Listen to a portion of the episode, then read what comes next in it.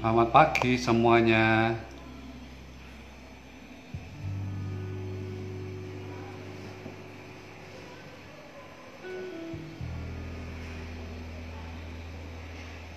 Selamat pagi Pak Tugi.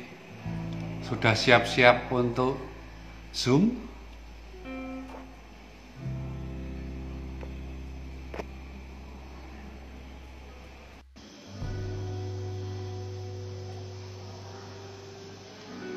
Pak Gandung. Nanti jam 11 dikumpulin ya Pak Gandung teman-temannya. Jualan Mitsubishi Fuso online. Hari ini online terus. Ya. Selamat pagi Kak Dian. Selamat pagi Pak Joni. Tetap sehat ya.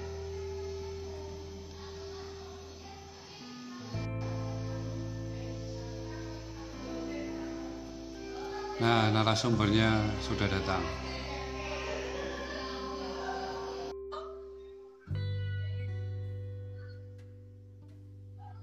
Mohon di accept kaitannya.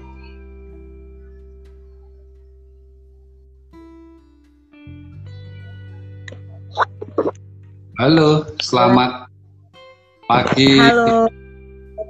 Selamat pagi Pak Suaranya- Otniel, sahabat. Kurang jelas ya. Soalnya saya nggak pakai head. Nah, jelas? Cukup jelas. Jelas. Enggak, kalau bisa Jelas. headset lebih baik sih. Nggak Kalau usah pakai headset ya. Ah. Iya, Memang sih, sebentar. Aku harus cari headset. Sudah kusiapkan sih headset dari tadi.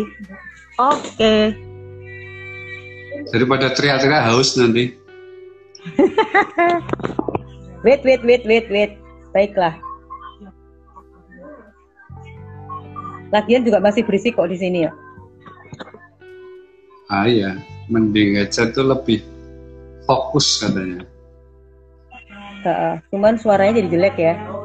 Karena asli Masa sih? suaranya kan lebih Iya, kalau headsetnya yang mahal ya bagus. Bentar, taruh di atas dulu. Ya, Ngaruh tuh headset tuh. Sama Gimana? bagusnya Bu. Coba nyanyikan sebuah lagu.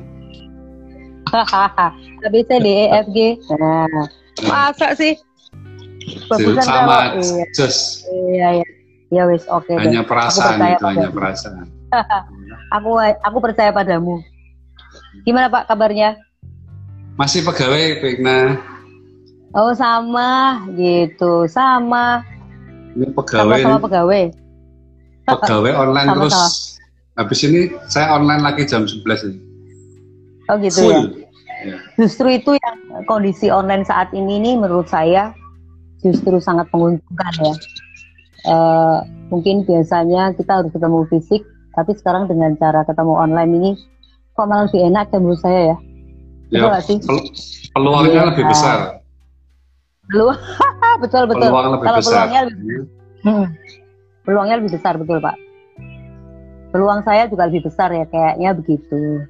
Terima Amin. kasih saya diundang di saya diundang di channelnya ya. Hmm. Ini merintis karir Bu. Saya belajar dari Bu Igna terutama. Enggak begitu. Jangan merendah. Orang tinggi tidak perlu merendah. Kalau saya tidak perlu eh, merasa tinggi yang sudah rendah. Karena emang tinggi saya tok gitu gitu. Oh, filosofinya harus diterna nih, harus sarapan dulu. Sudah sarapan pak? Baru susu bear brand ini. Tapi nggak apa-apa Oh, mas. Oke. Mm-mm. Bisa kita mulai aja Igna? Oke, silakan Pak. Iya, saya Selamat em, Selamat pagi rekan-rekan semua. Semoga tidak bosan dengan obrolan saya yang bermanfaat. Semoga bermanfaat ya. Karena ini sebenarnya bagian dari briefing saya untuk marketing juga. Kami kasih nama Mimik Igna. Mimik itu Mitsubishi, motivasi, informasi, yang keren gitu ya. Gitu. Jadi uh, belajar mm -hmm. banyak orang gitulah, banyak orang ya. Beberapa udah kita mm -hmm. lakukan. Nah, ini khusus mm -hmm. saya diberi kesempatan yang berbahagia mengundang guru saya ya, terutama di bidang broadcaster dan public speaking gitu ya. Mm-hmm. Saya bisa profil mungkin laporan kita bisa menambahkan. Ibu mm-hmm. Ekna Aryani, mm-hmm. kemudian suami Bapak Cahyadi Hidayat Jati, ya kebun jatinya banyak ini berarti ya. Kemudian berputra satu keren namanya Revival Adia yeah. gitu ya. Iya, revival Pak ada di sebelah saya ini. Wah, salam ya Reva, gitu ya. Re Kemudian uh, Reva salam. Jabatan terakhir sebagai station manager dari Good News FM. Iya. Broadcaster sejati, nggak tahu. Kemudian semangat sejati, ya, Pak. Bisa kita pelajari hari ini juga ya bicara hmm. tak suara ya. dan berkata-kata karena memang ini mau diajar kepada kita ngomong yang tepat gitu mungkin Bu ya. ya karena saya kemarin sedikit gue ternyata kemarin dua hari berturut-turut sudah melakukan pelatihan public speaker buat ya. mahasiswa ya. Iya. Masih Pak, masih ada. Besok Senin masih harus lagi. Wih, belum selesai. Semangat. Mm -hmm. Minum air putih, Bu. Senang. Semangat. Jangan, oh. Jangan minum es. Iya, ya betul. Semangat Pak, ini makan jeruknya Pak. nah, Oke. Ngomong-ngomong, pengertian public speaking itu apa tuh, Bu? Setahu saya kan ngomong di depan rak gitu ya apakah hanya iya. sebatas kampanye pidato apakah hanya sebatas itu gitu Oh, sebenarnya yang disampaikan Pak Otniel itu benar. Jadi sebenarnya public speaking itu kan kalau kita dari bahasa Inggrisnya kan itu public speaking ya, jadi uh, pembicara publik. Tetapi kalau hmm. kita tahu uh, public speaking itu kan menyampaikan sesuatu yang bersifat pengumuman. Jadi menyampaikan sesuatu tapi bersifat pengumuman, gitu ya. Uh, tetapi kalau menurut saya pribadi, uh, public speaking itu seni menggabungkan semua ilmu dan kemampuan yang kita miliki, lalu memberanikan diri bisa berbicara di depan umum dengan baik dan benar. Lalu siap menyampaikan pesan kepada orang lain walaupun dengan latar belakang yang berbeda. Jadi itu nggak mudah, Pak karena oh, menyampaikan pesan, ya, pemirsanya beda-beda tapi harus mudeng gitu uh, ya. Harus mudeng. Uh, jadi ilmu yang kita miliki itu digabungkan semua. Ilmu dan kemampuan kita gabungkan, lalu kita mencoba memberanikan diri untuk berbicara di depan umum, tetapi dengan baik dan benar. Lalu yang ketiga, siap menyampaikan pesan kepada orang lain, walaupun itu dengan latar belakang yang berbeda. Kan nggak mudah, Pak, ya kan? Misalkan Anggal, saya ngomong sama Pak ya, saya ngomong sama Pak Otniel ini, Pak Otniel ini kan orang pinter ya, uh, sekelas uh, branch manager. Jadi saya kalau menerangkan dengan bahasa yang sulit-sulit, oke okay, Pak, kita ngomong masalah intrapersonal, ya itu bisa, ya kan? Nah, suatu hari hmm. saya diundang, tolong Bu Ekna bisa ngomong di depan para mbok-mbok bakul jamu. Saya pernah diundang oleh hmm. bank untuk memberikan uh, memberikan bagaimana mereka memiliki uh, pitch deck, teknik berjualan secara cepat. Nah, itu yang meminta memang bank yang punya uh, punya andil buat mereka. Tapi kan saya nggak bisa ngomong intrapersonal communication. Ya dia nggak mudeng kok jualan di pasar. Nah, berarti kan hmm. saya ngomong dengan bahasa yang simple, bahasa yang mudah. Jadi pengertiannya mereka public speaking itu apa? Menyampaikan sesuatu yang bersifat pengumuman. Itu kalau untuk mereka-mereka ya kan? Nah tapi kalau sudah ngomong sama outnya seni menggabungkan Pak. Semua ilmu yang Bapak miliki kemampuan ilmu dan kemampuan digabung. Setelah itu mencoba untuk ngomong di depan umum dengan baik dan benar. Lalu siap menyampaikan pesan kepada orang lain dengan latar belakang yang berbeda. Itu yang sulit. Kata kuncinya cuma satu, rendah hati dan mau belajar. Gitu.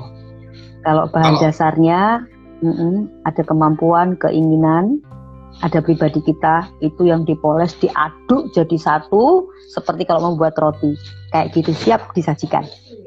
Gitu Pak Otnya. Ada itu pengalaman pengalaman di satu tempat itu ada yang ngebaca presiden direktur, kemudian ada juga tadi istilahnya bawa jamu gitu. Pernah ada hmm, pengalaman hmm, seperti itu? Terus pengalamannya gini Pak. Ya pengalamannya gini. Saya diundang di sebuah acara yang waktu itu namanya PPA kayaknya ya. Dan itu anak-anak kecil semua. Ini anak kecil dulu, anak-anak kecil. Saya kan nggak bisa ngomong sama anak-anak kecil harus dengan bahasa saya. Nah, saya ngomong, halo adik-adik, wah berisik noise. Karena anak-anak kecil itu pasti dilihat uh, packagingnya gitu kan ya. Nah, langsung lalu saya bilang gini, oke, okay, mulai berisik anak-anak itu mulai berisik. Nah, mulai berisik saya bilang, oke baik, adik-adik, saya akan ngomong sebelumnya. Oke, oke, ibu punya cerita. Hmm, lalu semua, ibu punya cerita. Begitu saya ngomong punya cerita, semua pada diam. Oke, okay, hmm. uh, mau cerita. Oke, okay, ibu mau cerita kancil nyolong timun. Waduh, semua bilang, ah, wes tahu bu. Wes tahu bu. Wes tahu, bosan bu, bosan, bosan gitu. Oke, okay, karena bosan kan, lalu saya bilang, oke okay, baik. Nah ini saya buat bridging. Oke, okay, ibu ganti ya ceritanya ya. Ibu punya cerita kancil nyolong telo. Waduh, semuanya diam. Semuanya hmm. diam. Semuanya terpaku, semuanya terpana. Tapi otak saya pusing pak iki telone tak gawe kaya apa gitu. Hmm. Telone tak gawe kaya apa gitu. Saya pikir akhirnya oke. Okay, kancil nyolong telo. Akhirnya saya mulai ya inilah menggabungkan ilmu dan kemampuan yang saya miliki. Saya mencoba membuat blending suasana mereka tak mainkan emosionalnya gitu kan. Suatu hmm. hari kancil itu kancil pakai pakai baju kan tidak ada kancil pakai baju ya dibuat seperti itu. Nah itu karena ngomong di depan anak-anak. Nah suatu hari ini yang yang anak-anak. Saya ngomong di depan uh, ya bukan bok-bok jual jamu, tapi dia jual di pasar. Ada yang jual. Uh, saya pernah diundang di Lotemat. Nah di Lotemat undang saya itu kan semua para pem, para penjual ada warung ada apa itu kan beda-beda. Itu kan anggap-anggap tuh pak, anggap wah wah menerangkannya sangat susah hmm. sekali. Ya pakai bahasa bahasa yang paling gampang dan mudah dikasih cerita. Oke, okay, saya punya cerita. Nah, harus dikasih cerita. Kalau dikasih cerita, mereka memperhatikan. Nah, mulailah saya masukkan ilmunya. Bagaimana saat Anda melayani pembeli, bagaimana supaya jualannya itu tidak kemproh penuh debu. Nah, itu baru saya masukkan. Jadi pengalaman-pengalaman kayak gitu banyak banget, Pak. Jadi kita ngomong, gak bisa ngomong sembarangan. Ngomong sama orang tua sama ngomong sama anak kan beda. Ngomong sama orang tua, ya. paling penting bahasa yang nomor satu mau mendengarkan, Pak Walaupun saya ngomong, kalau saya tidak mendengarkan audiens saya, audiens nggak mau mendengarkan saya. Itu kuncinya. Itu pengalamannya seperti itulah. Gitu. Di waktu yang bersamaan, Bu, di waktu itu hmm. ada orang yang pinter banget, tapi ada juga orang yang sederhana banget. Itu pernah ada, Bu? Terus ada. yang diomongin mana ini? Nah, Ngambil kalau itu, ada orang, ya, gitu.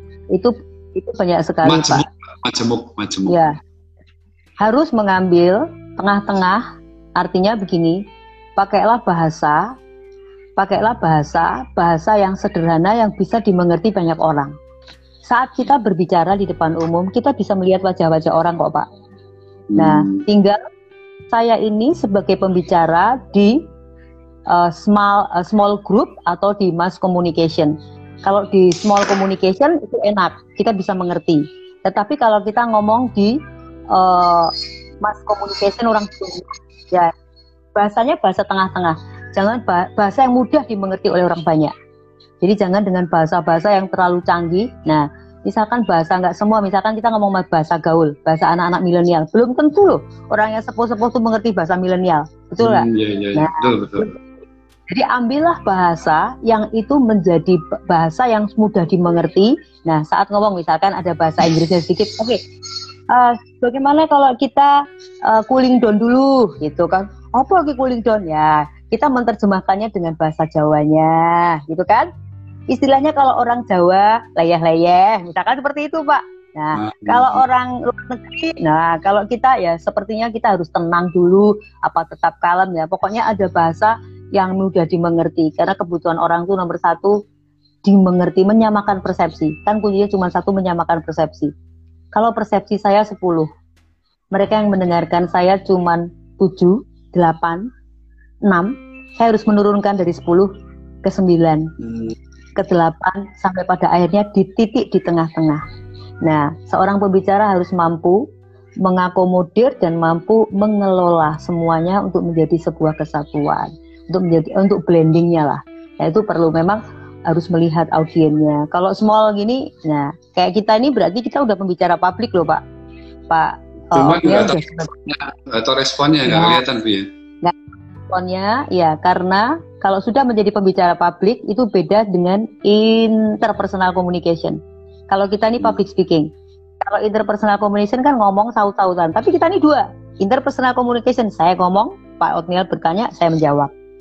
Nah, pembicara publiknya adalah orang yang mendengarkan tidak bisa komen, tetapi mereka boleh menulis dong di sini. Ada pertanyaan, ada apa-apa, ada sesinya. Nah, kayak gitu, ada sesinya. Sesi tersendirilah yang berbeda. Kira-kira kayak gitu, Pak. Monggo mau bertanya public speaker sama masternya ini silakan ketik aja di situ ya. nah, ketik aja di situ ya. Boleh di, sedikit disimpulkan dari cerita ini Bu ya. Kita hmm. kalau lagi public speaking lihat dong respon orang yang kita omongin gitu ya hmm. audiensnya kita harus tahu ya harus lihat ekspresinya bu ya kalau dia bingung ya, ya kita turunin kadar omongnya gitu pak ya betul betul sekali tiap orang itu berbeda di dalam menternak sebuah perkataan uh, persepsi audiens di saat kita bicara pak nomor satu yang dilihat adalah packagingnya. Nomor satu mereka akan lihat tampilan kita. Jadi tampilan kita ini seperti apa? Kalau tampilan kita tuh harus menyenangkan dulu lah paling tidak, ya menyenangkan. Nah orang ya? nomor satu, uh, iya jelas, ya. iya betul, harus harus mandi dulu. Karena nomor satu uh, orang itu akan melihat packaging. Jadi visual itu yang dilihat adalah packaging kita. Itu 55% mereka melihat kita pembicaranya hmm. cantik ya hmm. pembicaranya baju matching ya pembicara ih Pak Otniel keren ya pakai kacamata gitu ganteng pakainya baju kok pas banget nah itu nomor satu setelah uh, pembicara itu berjalan dia akan melihat orang seperti itu. Setelah itu dia ngelihat dengar suaranya. Ih pembicaranya udah keren suaranya enak gitu. Begitu udah dengar pembicaranya keren suaranya enak baru masuk topiknya. Oke okay, topiknya menyenangkan. Nah, ini topiknya rendang. Tapi jika udah lihat, wah pembicaranya ya ampun, apa pakainya nggak oh pakai baju nggak matching, senyumnya nggak ada, uh, terus suaranya galak, gitu kan? Pada topiknya bagus pak, masuk nggak, mendarat nggak, nggak mendarat pak. Jadi yang nomor satu saat kita tahu bahwa mereka sedang menilai kita tentang packaging, mata kita bermain melihat audiens satu persatu. Halo, selamat siang, selamat pagi, senang bertemu dengan Anda. Wow, saya sangat terkesan dengan ruangan ini. Uh, saya senang sekali melihat ibu-ibu yang di depan saya. Aduh, ibu kelihatan segar. Nah, itu berarti sedang mendelivery ya. Nah, berarti sedang membuat uh, package kita dinilai dia untuk membuat sebuah bridging, untuk membuat jembatan, dia akan masuk. Kasih senyuman dulu. Lalu sikap berdiri kita sikap berdiri kita eh, yang pertama kali harus melihat ke orang itu uh, jadi kita nggak merasa kayak bungkuk gini uh, tapi kita santai dan biasa saja lalu setelah itu baru kita masuk di suara oke okay? saya punya sebuah pengalaman pertama begitu jangan langsung pada topiknya nggak bisa kalau makan itu langsung kasih nasi berat nggak bisa appetizernya dulu lah seperti itu kan ya iya terus hmm. baru kita masuk baru ada bridging, ada jembatan. Nah, mungkin ada lucu-lucu. Kalau kita punya cerita-cerita yang bisa untuk membuli diri sendiri, better itu lebih oh, bagus. Oh, gitu. Nah, uh, iya membuli diri sendiri itu lebih bagus. Ada apa, ada apa kehidupan baru masukkan topik. Sementara kita cerita itu, orang tuh lihat antusias kita, kita tahu, oh ini orang. Oh ya ngantuk. Memang Pak, jadi dosen itu kalau lagi ngajar muridnya ngantuk juengkel, betul nggak? Tapi kalau yeah. saya jadi pembicara dibayar, dibayar Raisa, terserah David. nyambung apa gitu. Hmm. Tapi kita nggak bisa gitu. Repeat order menentukan, ya nggak? Repeat order menentukan. Kalau diundang lagi, berarti penyampaian kita oke okay, kan? Nah, baru kita masukin ke topiknya. Topik itu semua baik uh, judul topik yang kita bawakan itu semua baik. Tetapi andai kata kita bisa menyampaikan, kita tahu persepsi audiens dari tahapan pertama, kedua. Nah, pertama adalah packaging, sikap, gestur kita, termasuk senyum, mata, tangan, baru suara kita, ya. Nah, kalau suara kita harus keras, kalau perlu mic ya perlu mic, jelas kita menyapa baru topik kita akan masuk. Kalau topik kita masuk, maka repeat order akan terjadi. Nah, itu persepsi uh, bagaimana kita harus belajar mengenal persepsi audiens saat kita maju dulu. Gitu, Pak. Eh, Pak Audiens ya. sangat orang penting sekali. Ya, itu namanya persepsi audiens. Appetizer itu perlu, jangan langsung makan. Iya, coba di rumah makan, pesen. Hmm. Biasa pecel langsung les. Enggak bisa ya. Enggak, enggak, enggak bohong. Biasanya ngambil badak dulu kan? Nah, ya enggak? Doan, iya tuh. Doan dulu. Ngambil apa yeah. tuh? Uh, bantal, bantal, ya kan? Nah, ah. kayak gitu. Mm -mm. Jadi pasti. Selamat pagi, ya benar. Pak Johan. Pak Babe Johan, selamat pagi ya. Pak Babe Johan ini ketua AIM, ya. Art in Mission, oh. jadi akan membagikan nilai beneran lewat art gitu. Berbakat seni nanti saya panggil berikutnya nih Pak. Babe Johan oh ya. gitu. Uh, kenal Babe Johan tau orang GBI kenal, kok? orang GBI kok betul orang GBI betul. kah? Oh betul. Babe. Oh selamat nah. apa ini ya? Wah Babe itu saya suka dengan color suaranya. Ya, tapi betul. saya belum ya color suaranya sangat oke okay dan benar-benar wise gitu. Makanya hmm. dia like babi gitu. kalau saya nggak mau babi, aja biar mudah terus kalau. iya betul betul Pak. Uh, menurut Begna, public nah. speaking skill, kemampuan ngomong di depan umum itu kayaknya semua orang atau hanya pas terbatas lah yang pemimpin begitu menurut Bu Igna gimana? Apakah baiknya semua? Ya, menurut saya public speaking itu ilmu yang bisa dipelajari itu bukan masalah keturunan atau hanya milik artis, tapi semua orang itu perlu belajar. Selama kita akan berbicara dengan satu orang kan kita uh, berbicara itu berbicara itu memakai mulut atau verbal. Tetapi jika kita mau berkomunikasi verbal dan teknik non verbal, ya kan? Nah biasanya public speaking itu miliknya selebriti itu salah. Public speaking itu kita semua itu perlu belajar public speaking karena kita belajar untuk berbicara dengan diri sendiri, ya itu namanya one to self communication. Setelah itu kita belajar berbicara one to one communication. Nah, setelah one to one communication, kita juga akan berbicara one to small group atau one to mass communication atau itu yang disebut public speaking. Jadi itu perlu. Kalau menurut saya tidak harus oh karena saya orang radio enggak. Sebelum saya di radio saya belajar dulu. Kenapa saya masuk di radio? Karena ibu saya memaksa saya uh, untuk jadi penyiar. Karena ibu saya tahu bahwa saya itu oh. cerewetnya Oh, karena ibu saya itu tahu ibu saya tahu bahwa saya itu sehari menghabiskan 50 ribu kata terus saya dipaksa untuk jadi penyiar dulu gitu. Walaupun pertama saya nggak suka ngapain gitu ya. Tapi saya termasuk anak yang patuh nggak berani bangkang. Saya terima aja. Tapi setelah itu saya merasakan oh bagus juga ya orang tua itu nggak ada yang salah. Gitu pak. Jadinya everything nah, is okay. Hmm. ini saya ini salah sebenarnya saya mau tanya. Anak saya yang gimana? kecil itu kan awalnya dulu kan agak minder gitu pemalu kayak saya gitu ya nah hmm. itu saya tuh kan ngomong sama gurunya gitu bu guru untuk tampil lah mau ngomong mau presentasi atau apa saya minta gini gitu loh nah, apakah bisa hmm. ngomong di depan umum itu merubah kepribadian seorang gitu? menurut Bu atau pengalaman itu? Oh, sangat sangat. Jadi uh, gini, kalau kita belajar pengembangan pribadi itu salah satunya adalah belajar public speaking. Uh, hmm. Kita belajar public speaking itu nomor satu adalah yang kita dapatkan adalah kemandirian dan kemampuan mengelola grogi karena dia sudah mulai masuk yang namanya percaya diri. Orang tuh kalau tidak percaya diri itu masalahnya banyak. Percaya dirinya hmm. karena tidak percaya diri karena apa? Rendah hati, rendah diri. Kalau rendah hati beda ya, rendah diri yeah. ya, inferiority itu beda. Nah, maka uh, anak kecil pun kalau dia ya kalau Pak Otniel itu sebenarnya kalau saya lihat Pak Otniel itu memang dilihat karena wajahnya beliau ini kan baby face ya.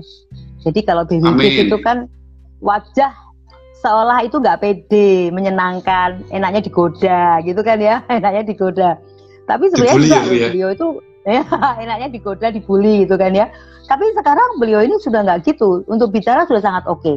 Nah, kalau dengan adanya dia disuruh presentasi untuk tampil, pasti akan membuat dia pribadinya lebih percaya diri. Memang harus didampingi Pak untuk melatih anak itu bisa percaya diri uh, supaya dia bisa percaya dirinya untuk hal-hal yang positif. Jadi dengan kepercayaan uh, boleh grogi, grogi bukan harus dihilangkan semua enggak, tapi grogi itu harus ada, enggak apa-apa. Kalau sampai tidak ada grogi itu malah bahaya. Ya, ada ada grogi tetapi dia mampu mengelola grogi mampu mengelola grogi. Nah, itu salah satu uh, pendidikan yang bisa uh, pembelajaran dengan public speaking yaitu meningkatkan kepercayaan diri. Karena dengan percaya diri ini, wah orang pasti oke okay lah. Pasti oke okay lah. PD buat belajar, PD buat bergaul, PD buat ini. Orang kalau tidak PD, lama-lama jadi gila juga ya menurut saya. Betul nggak? Iya, Aduh, merasa salah takut gitu ya. Takut ini, takut itu, ya kayak gitu. Jadi Berarti, pasti akan merubah.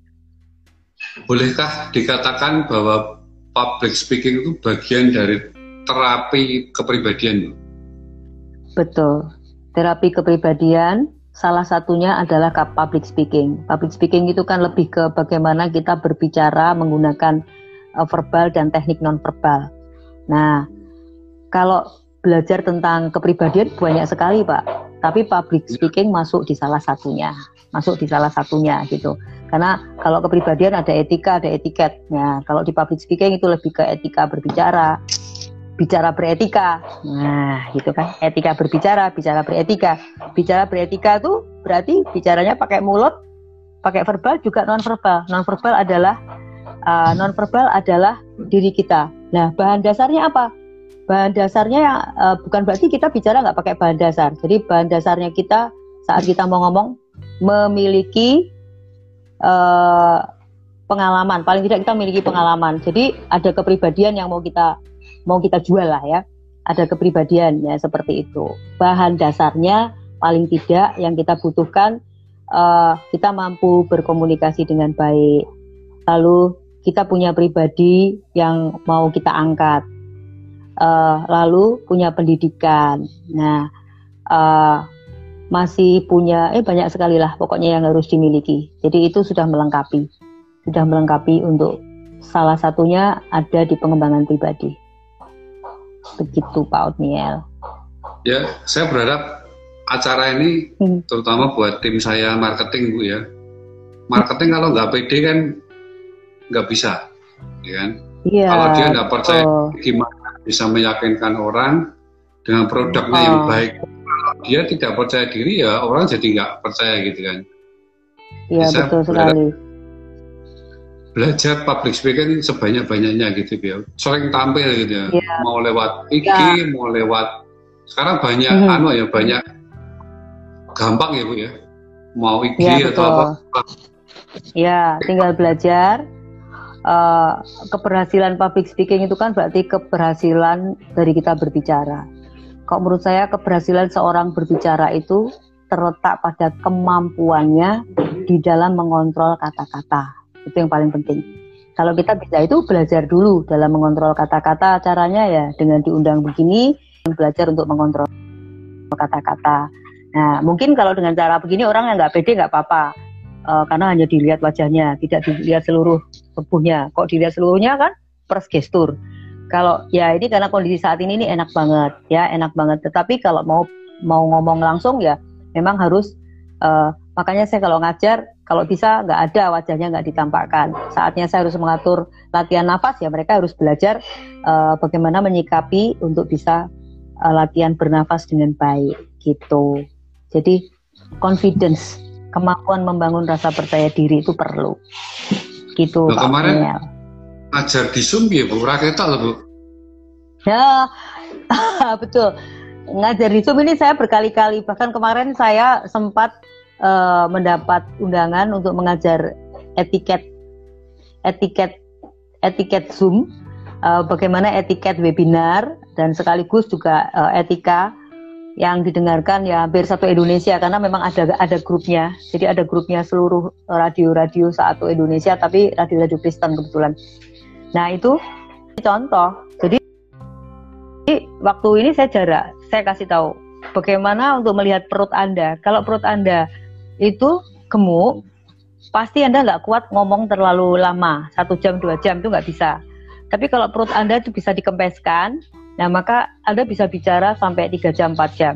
Nah, maka seorang worship leader, seorang pengkhotbah itu harus latihan setup itu lebih bagus. Nah, makanya saya praktekkan bagaimana untuk membuat nafas itu saat bersuara enak itu ada ada cara-caranya sehingga kita ngomong nggak belibet lelep nah kan suka trembling trembling ya sweating nah itu macam-macam. Nah itu kan uh, kemampuan membangun rasa percaya diri atau self confidence-nya. Itu seperti itu. Kemarin kayaknya kalau pausnya uh, kemarin saya lihat itu istri ngomong ular berputar-putar melem apa Iya untuk apa bu? Untuk apa bu? Untuk, uh, untuk menghindari trembling. Gitu. Iya, itu itu namanya tongue twister. Uh, kadang kita ngomong kan medok ada yang hmm. ngomong nggak jelas. Nah, itu untuk melatih artikulasi dan intonasi. Jadi saatnya, jadi ada mahasiswa yang bilang begini, uh, Bu, saya tuh kalau ngomong, uh, kenapa? Pasti orang pada nggak suka. Kamu tuh kalau ngomong kayak orang marah. Oke, okay, saya tes ya suaranya. Coba uh, kamu ngomong, ya, coba kamu ngomong. Ada ular berputar-putar, ikutin saya ya.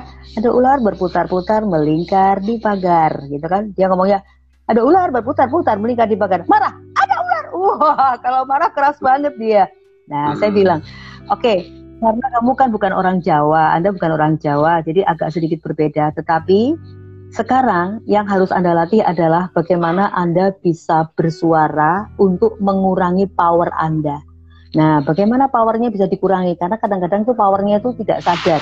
Nah, karena dia banter hmm. toh. Nah, ruangan kecil jangan keras-keras, pasti orang merasa dia marah. Nah, permasalahannya adalah di voice tone, nada suara. Nah, untuk melatih nada suara, yaitu latihannya ada ular berputar-putar melingkar di pagar.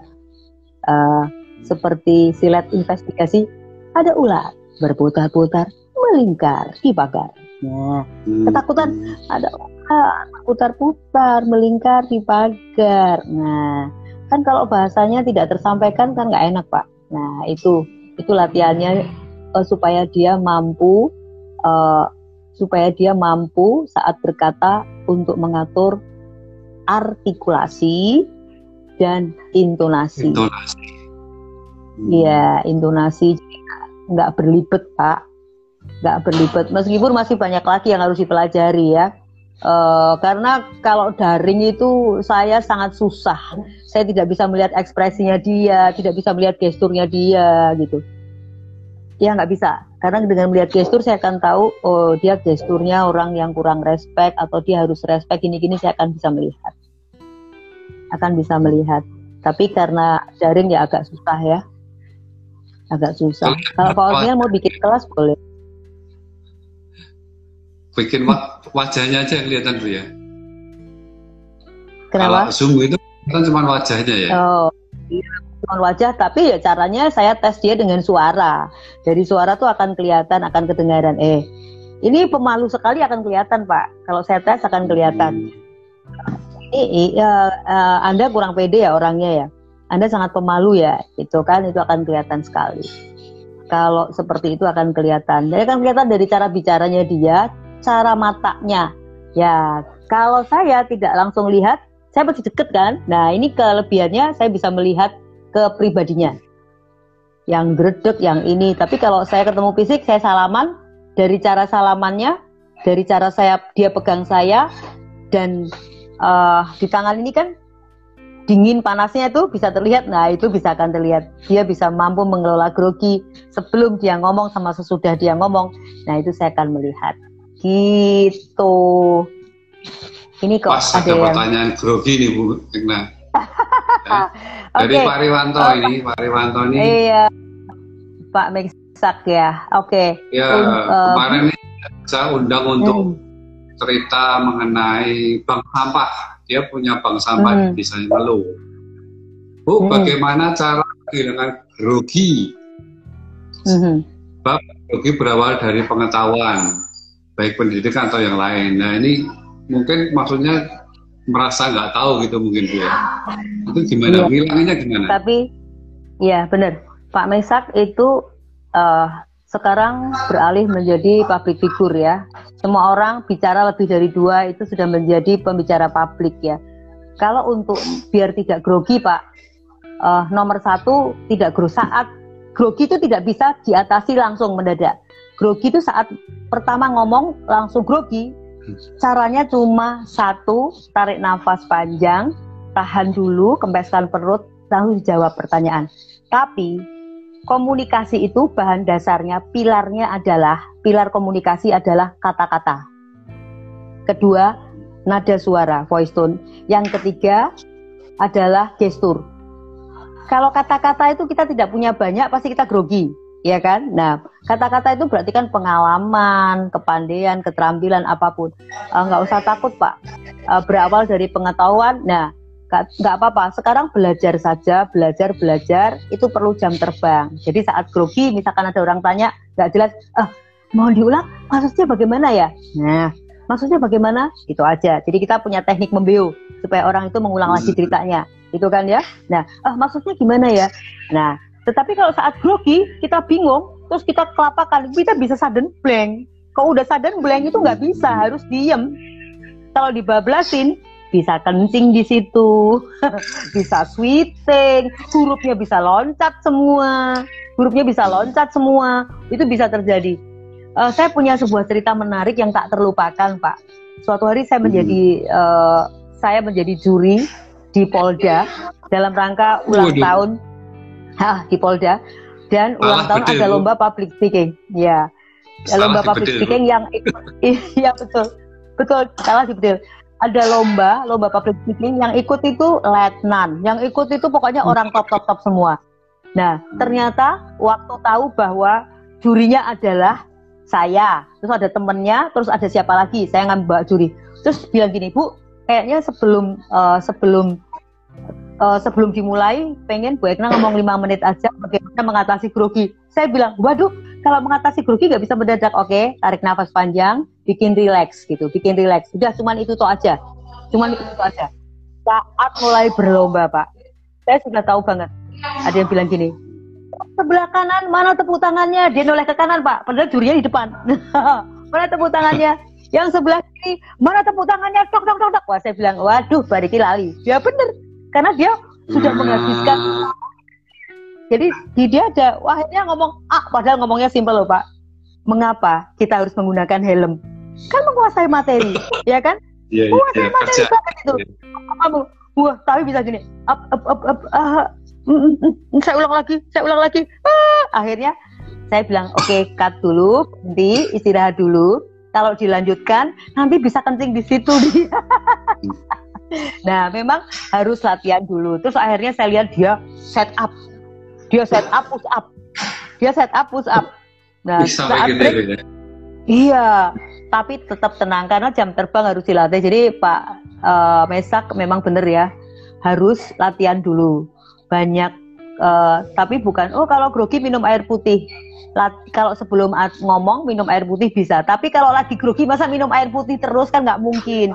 Tarik nafas panjang tetapi pengetahuannya memang harus ditambah pak tekniknya harus ditambah. Kapan boleh sekali tempo ketemu sama saya tak ajari jurusnya yang tespleng ya, jurusnya yang tespleng. Jadi uh, grogi itu perlu jam terbang. Suruh undang Pak Otnia uh, kira-kira 10 kali kan nggak grogi nanti. Dan kasih pertanyaan yang disiapkan dulu di rumah pertanyaannya. Nanti dijawab, wah itu itu nggak akan grogi, itu akan belajar gitu kan. Nah itu oh. seperti itu memang perlu latihan. Kalau sama saya, Pak Ariwanto saya suruh nyanyi aja beres. Groginya hilang pasti. Oh, bisa. Oh gitu ya. Iya itu bisa, suruh nyanyi juga bisa. Tenang kan kalau menyanyi itu? Ya, kalau menyanyi kan tenang. Iya.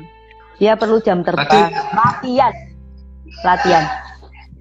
Cerita menarik tadi. Ada yang membeokan pertanyaan Bu ya. Okay. Tadi pertanyaan yang apa itu? Uh, termasuk setelah dia ulang pertanyaan kita narik napas gitu Bu ya. Iya betul, betul. Mencuri kita, waktu ya, mencuri iya, waktu. Itu berarti ya kita tuh sedang pause pikiran kita lagi di pause bentar, tetapi otak ini berpikir apa yang harusnya. Loh jangan dikira loh Pak, saya seorang host atau seorang penyiar, kalau narasumbernya terlalu pintar, kalau hostnya nggak pintar, saya tekniknya pembeo aja. Teknik terakhir diomongin lagi, sebenarnya teknik terakhir diomongkan mulut berbicara, otak berjalan, otak ini berjalan menyusun strategi berikutnya. Itu seperti itu. Apalagi narasumbernya kayak Pak Otniel itu. Pak Otniel itu kalau berbicara poin tek tek tek ya. Kalau berbicara tuh poin tek tek tek. Uh, tapi kalau penyiar itu tidak pinter membuat supaya Pak Otniel itu mengeluarkan jurus-jurusnya, oh itu akan kehabisan bahan bicara. Karena beliau menyampaikan poinnya, uh, jadi langsung tek tek tek Nah, itu beda. Orang kalau pintar gitu, tek tek tek. Jangan jarang untuk mengurai. Tapi kalau sekarang sudah pintar mengurai ya, karena memang sebenarnya bisa mengurai. Pelit aja sudah untuk belajar. diurai. Karena sudah belajar. Pelit aja untuk diurai gitu. Ya, memang berbagi Pak ya. kalau pengalaman dulu tuh tiga poin ya udah tiga menit tuh pas. Sekarang ya, satu menit ya. bisa menit sepuluh menit tuh sekarang muter. Muter, ya, muter. sekarang bisa ke mana-mana. Ya bisa mampu uh, memainkan konten. Nah ini namanya memainkan kemampuan membuat materi itu jadi lebih efektif dan impresif. Nah ini harus ada harus bisa. Bagaimana? Memang harus belajar. Jadi belajar dulu topik yang mau disampaikan. Ini namanya konten pak. Membangun konten kemampuan membuat materi yang mau kita sampaikan jadi efektif dan lebih impresif. Gitu Pak Otniel.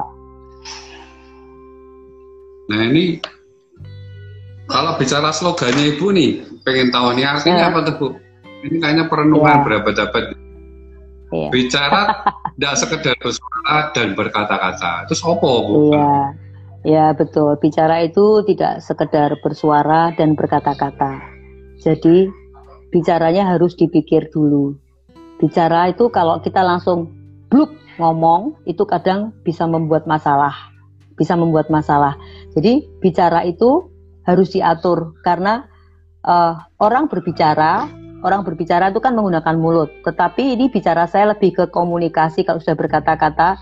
Jadi harus ngomong menggunakan kata-kata. Kata-katanya harus dipilih ya. Yang kedua nada suaranya nada suaranya itu juga harus itu menentukan nada suara.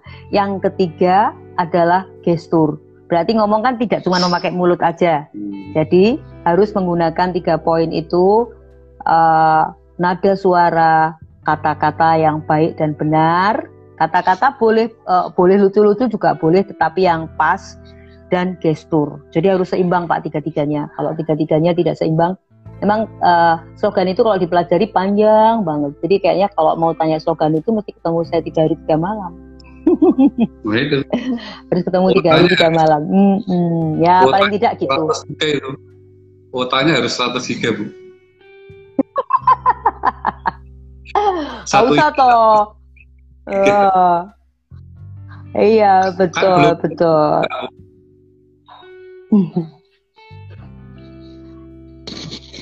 uh, putus-putus Pak. Sekarang jelas kan? Nah, nggak serasa nih hampir pedut nanti bu, lima menit lagi udah mau pedut nih. Ya. Nah, oke, okay. ya. sedikit saya resum ya apa hmm, yang sudah boleh. disampaikan gitu ya. Hmm. Satu yang berkesan buat saya tuh tadi ya pentingnya appetizer, pentingnya badak dan mendoan sebelum makan pecel gitu ya.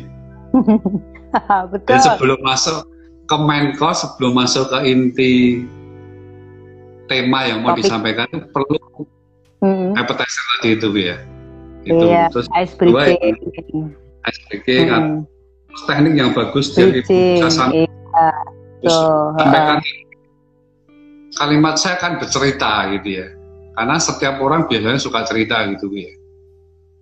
Mm-mm. Yang anak-anak kasih cerita anak-anak, yang bapak-bapak kasih cerita yang mm-hmm. mungkin yang lucu gitu ya. Jadi biar mm-hmm. masuk dulu gitu ya. Iya Terus betul. Kemudian, dalam menyampaikan itu ada tiga hal yang penting kata-kata, nada dan gestur gitu ya. Hmm betul, nada suara betul pak, betul banget. Hmm. Bukan nada dan irama dangdut itu bu ya beda ya bu ya. Kalau itu masuknya di nada, jadi nada dan irama digabungkan. Oh. betul betul betul. Ini kayaknya sukanya dangdutan deh. Kayaknya sukanya Yalah. dangdutan deh. Dangdut is my way of Indonesia. No? Itu ambiar ya Pak. dangdut kan harus kita akui sebagai heritage Bu. Ya itu oh, iya. bagus. Okay. Banyak kok message yang bagus dari dangdut itu banyak. Sayang yang ya, negatif betul. yang lebih terkenal. Kita harus gali yang positif. Ya. Gitu. Iya betul. Orang malu aja sebenarnya dengan dangdut, padahal dangdut oke. Okay. Kalau saya suka. Bagus lah, Bu. harusnya bagus Bu. Hmm. Ini sudah nggak musim ya. Sekarang musimnya campur sari ambiar ini beda lagi. iya betul, betul Pak ya. Sebelum mengakhiri Bu, ini karena lima menit bisa detik Ibu. Mungkin perlu disampaikan memotivasi yang muda-muda ya. ini ya, meskipun saya udah tua tapi saya mengaku muda. Apa Bu mengenai oh, iya. public speaking gitu loh?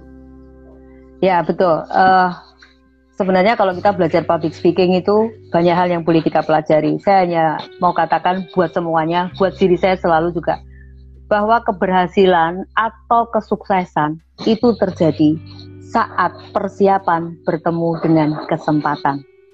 Jadi kalau kita mau mempersiapkan segala sesuatunya, maka kesempatan ada dari depan kita. Itu cukup, Pak. Ya. Terima kasih Bu Ikna sudah mempersiapkan diri kami. Ya. Terima kasih teman-teman yang sudah mendengar dan ya, ikut kasih. persiapan sehingga nanti ketika kesempatan berbicara di muka umum terjadi kita bisa menerima berkahnya begitu ya kurang lebih. Iya, betul. Oke. Iya, terima kasih.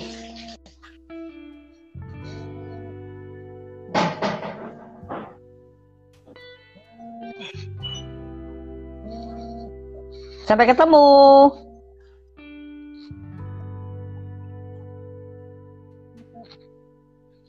Ya. Oke, sampai ketemu, Pak.